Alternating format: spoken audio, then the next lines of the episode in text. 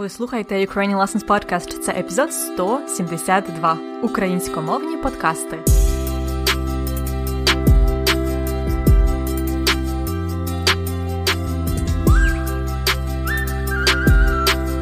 Привіт-привіт! Це Анна і ще один епізод подкасту Уроки української. Подкасту для всіх, хто вивчає і любить українську мову. І сьогоднішній епізод подкасту про подкасти, українськомовні подкасти. І це ще один епізод, який я записую, тому що ви попросили мене записати епізод на цю тему. Я підготувала для вас 5 подкастів, які я рекомендую саме для вас для покращення української мови. Звичайно, щоб їх слухати, у вас має бути досить високий рівень. І якщо ви спробуєте їх слухати, але не зрозумієте нічого, то не хвилюйтеся. Продовжуйте слухати мій подкаст, вивчати українську мову, а пізніше, коли будете готові, зможете перейти до суто українськомовних подкастів.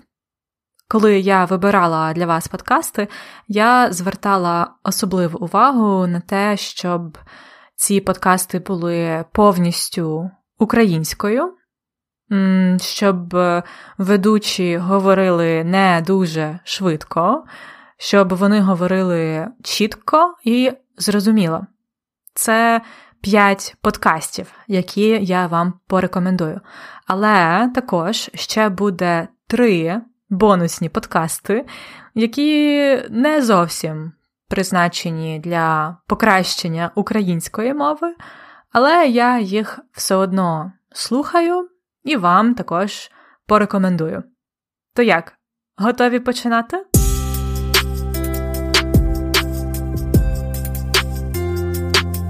Українськомовні подкасти. Останнім часом в Україні почало з'являтися досить багато подкастів.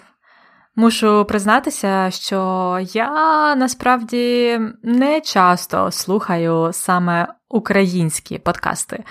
Взагалі, я не дуже багато подкастів слухаю, і якщо й слухаю, то переважно для вивчення іноземних мов, так як ви, так.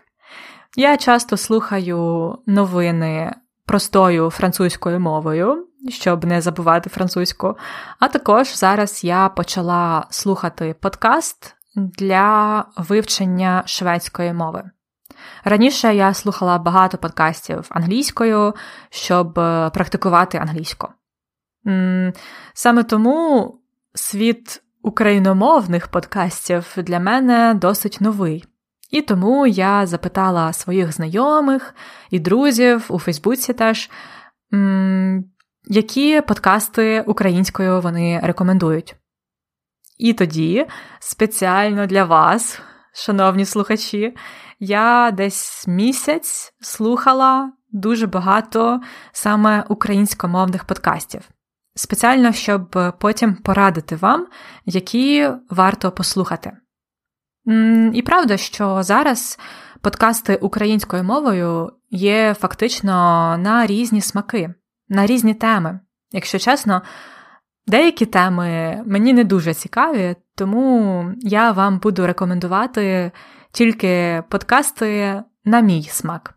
Наприклад, подкасти з новинами українською мовою, чесно кажучи, мені не зайшли, як кажуть. Мені не сподобався їхній стиль, і дуже часто епізоди з новинами дуже довгі, а в мене немає так багато часу на новини. Крім того, багато новинних подкастів е, містять трохи російської мови, що для вас не дуже добре, як для вивчення української. І взагалі я помітила таку тенденцію, що багато українськомовних подкастів наприклад, е, які є в Apple подкастах, це не подкасти, а фактично просто перероблені під подкасти записи радіопрограм. Як на мене, це не дуже хороший формат, тому що подкасти мають свою специфіку, а радіо свою. Тому мені не сподобались подкасти, які є просто записами радіопрограм.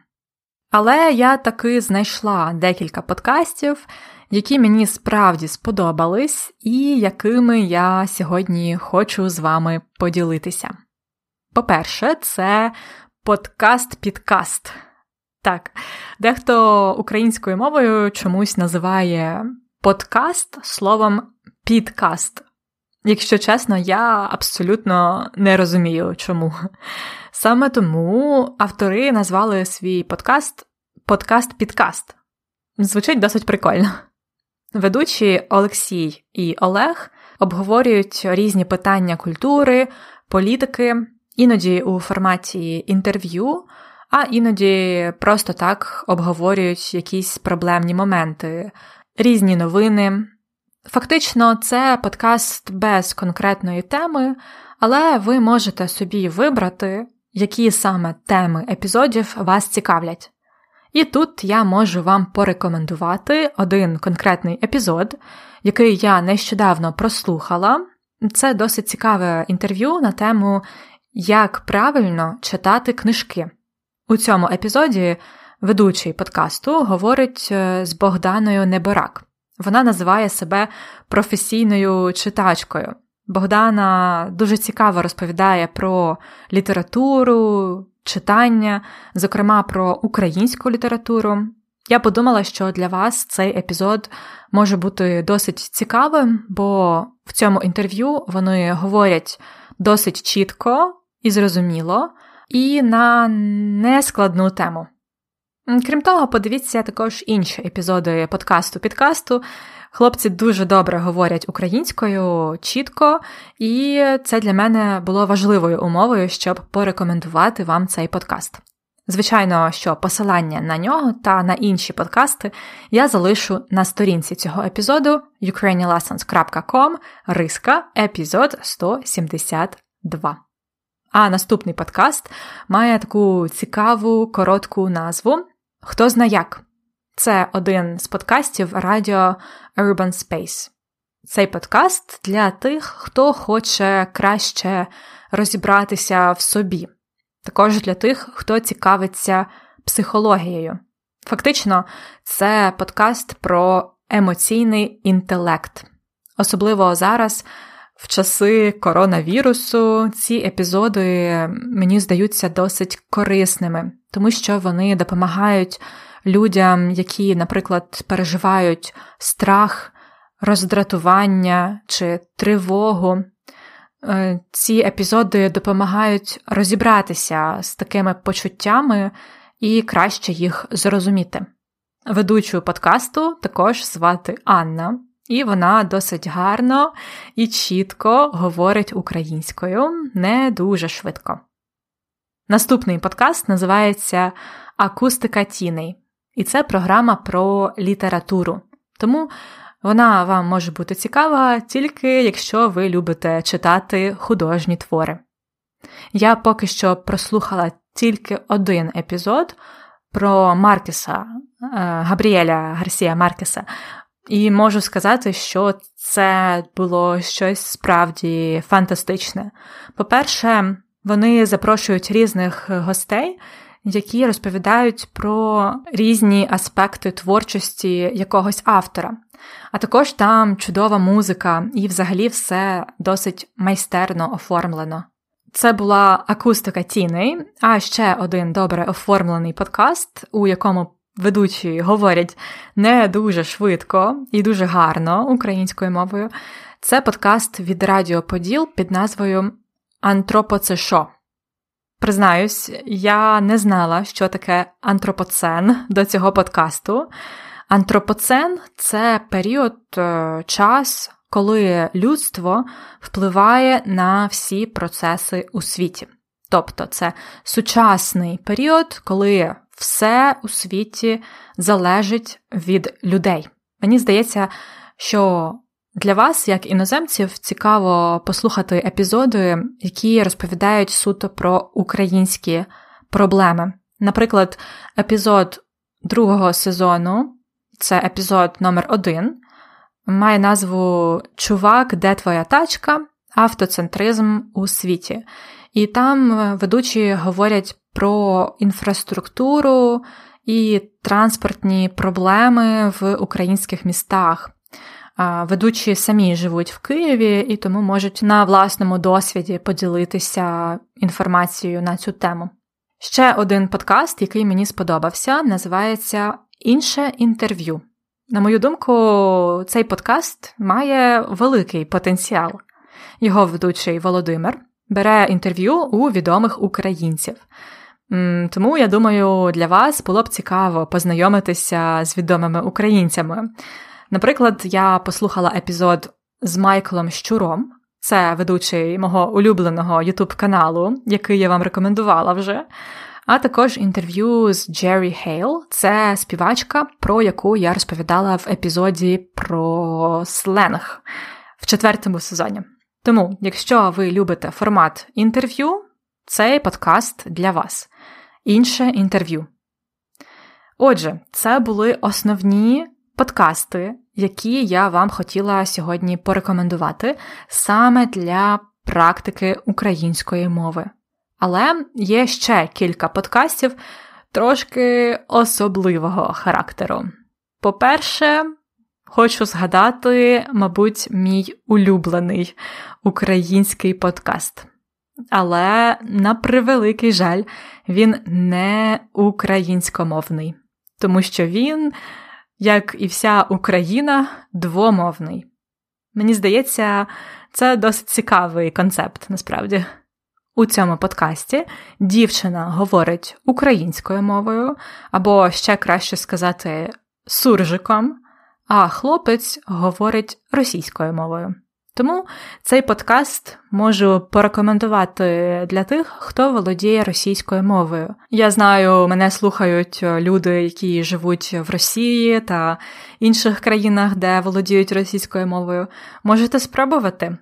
Також в цьому подкасті ви зможете прокачати свій суржик з дівчиною, яка говорить суржиком, і навчитися паралельно володіти українською та російською мовою. Це важлива навичка для України. Подкаст називається Shit I Know Life українськими літерами. Ведучі покривають дуже різні теми в цьому подкасті. Вони фактично просто балакають на теми, які їх цікавлять. Насправді, у мене, коли я їх слухаю, виникає таке відчуття, що вони просто мої друзі, які розказують е, цікаві історії. Наприклад, е, про новини у світі в Україні, або про їхні улюблені фільми чи документалки, про коронавірус чи маловідомі факти історії. Це такий особливий подкаст, тому такий собі бонус для вас. І ще два подкасти, які я хочу порекомендувати, не будуть прокачувати особливо вашу українську мову, бо це подкасти з музикою. Перший називається The Selector, це українська версія британської програми. Це подкаст винятково з британською музикою. Мені дуже подобається ведуча подкасту, у неї дуже приємний голос і гарна українська мова. А інший музичний подкаст мені порадила Іванка, моя подруга, це Радіо Скорбота. Подкаст е, з такою меланхолійною, часто сумною, але дуже приємною музикою. Мені дуже добре працюється під цей подкаст. Усі посилання на згадані подкасти я, звичайно, залишу на сторінці епізоду ukrainianlessons.com риска епізод 172.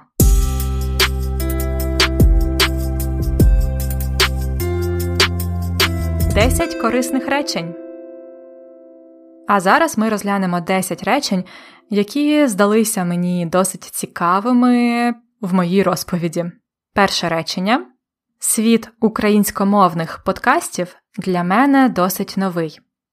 Світ подкастів ми говоримо так метафорично про якусь сферу. Наприклад, може бути світ української мови такий цікавий. Ми говоримо метафорично, це звучить досить гарно. До речі, слово українськомовний зараз стає більш популярне, хоча дехто говорить україномовний, а дехто українськомовний, кажуть краще казати українськомовний, але я ще іноді кажу україномовний, бо я ще до цього звикаю. Отже, повторіть, світ українськомовних подкастів для мене досить новий. Друге речення. Подкасти українською мовою є фактично на різні смаки. На різні смаки або на будь-який смак. Тобто подкасти українською мовою є на різні теми для різних людей. Повторіть ще раз. Подкасти українською мовою є фактично на різні смаки. Третє речення. Подкасти з новинами українською мовою мені не зайшли. Це речення містить сленгове дієслово зайти. Ви знаєте, що це означає зайти кудись, наприклад, в ресторан чи до когось додому зайти. Але як сленг, воно означає сподобатись. Ми вживаємо його з давальним відмінком. Тобто мені зайшла нова книга Андруховича, наприклад. Тобто мені дуже сподобалась нова книга. Андруховича. Або мені не зайшов цей серіал, тобто він мені не сподобався. Молоді люди особливо дуже часто говорять: зайшов, не зайшов, зайшла, не зайшла. Повторіть моє речення. Подкасти з новинами українською мовою мені не зайшли. Четверте речення звучить досить прикольно. Це про назву подкасту подкаст-підкаст. Це знову ж таки сленг. Прикольно, це весело. Але вживайте це слово тільки в неформальних ситуаціях з друзями чи з сім'єю. Наприклад, якщо хтось розказав вам якусь цікаву ідею, ви можете відповісти. Звучить досить прикольно. Далі я часто говорила про подкасти, вони говорять досить чітко і зрозуміло. Це для мене був важливий критерій, щоб порадити вам подкаст. Важливо, щоб ведучі говорили чітко і зрозуміло. Чітко це означає не дуже швидко, добре відкриваючи рот, так, щоб було добре зрозуміло, що людина говорить. Ну а зрозуміло це прислівник від слова зрозумілий. Для вас, як іноземців, важливо, щоб українці говорили чітко і зрозуміло. Саме тому ви, мабуть, і слухаєте цей подкаст, правда? Вони говорять досить чітко і зрозуміло.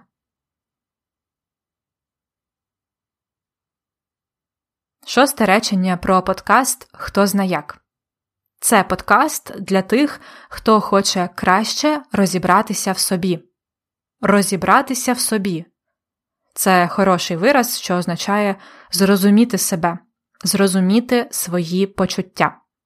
Саме психологія допомагає людям розібратися в собі. Повторіть ще раз: це подкаст для тих, хто хоче краще розібратися в собі.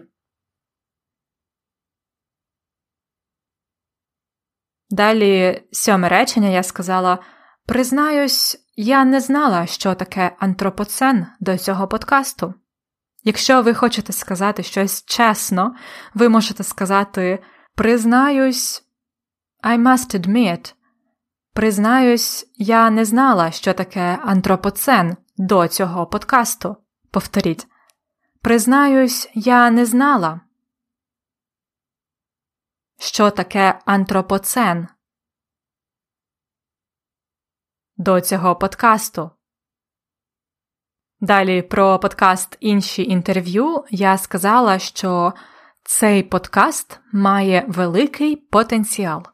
Мати великий потенціал. Так само англійською мовою ми говоримо про когось чи про щось, що може досягти успіху в майбутньому. Повторіть, цей подкаст має великий потенціал. Дев'яте речення про подкаст, який я рекомендую не всім, а тільки тим, хто добре володіє також російською мовою. Я сказала, що в подкасті Shit I Know Life ведучі покривають дуже різні теми, покривати різні теми або торкатися різних тем. Це розповідати щось на різноманітні теми. Так. Ну, наприклад, в нашому подкасті Ukrainian Lessons Podcast я намагаюсь покривати дуже різні теми, особливо в п'ятому сезоні. Повторіть, ведучі покривають дуже різні теми. І останнє речення про музичний подкаст Радіо Скорбота. Мені дуже добре працюється під цей подкаст. Працюється це як ми вже говорили раніше, зворотнє дієслово. Воно означає дію, яка виконується сама по собі. Ми можемо сказати, наприклад, мені добре тут живеться, або мені добре працюється в цій компанії, чи мені добре працюється під цей подкаст. Тобто, коли я слухаю цей подкаст. Повторіть. Мені дуже добре працюється під цей подкаст. Це все на сьогодні. Сподіваюся, якийсь з подкастів зацікавив вас, і, можливо, ви будете слухати його регулярно. Але не забувайте про мої уроки української. Добре. Як завжди, повна транскрипція епізоду, переклад складних слів і вправи для практики ви знайдете в конспектах уроків. Конспекти доступні для преміум підписників. Дізнайтеся більше про преміум, а також перегляньте список всіх подкастів на сторінці епізоду ukrainianlessons.com episode 172. Бажаю вам всього найкращого і до наступного тижня. На все добре!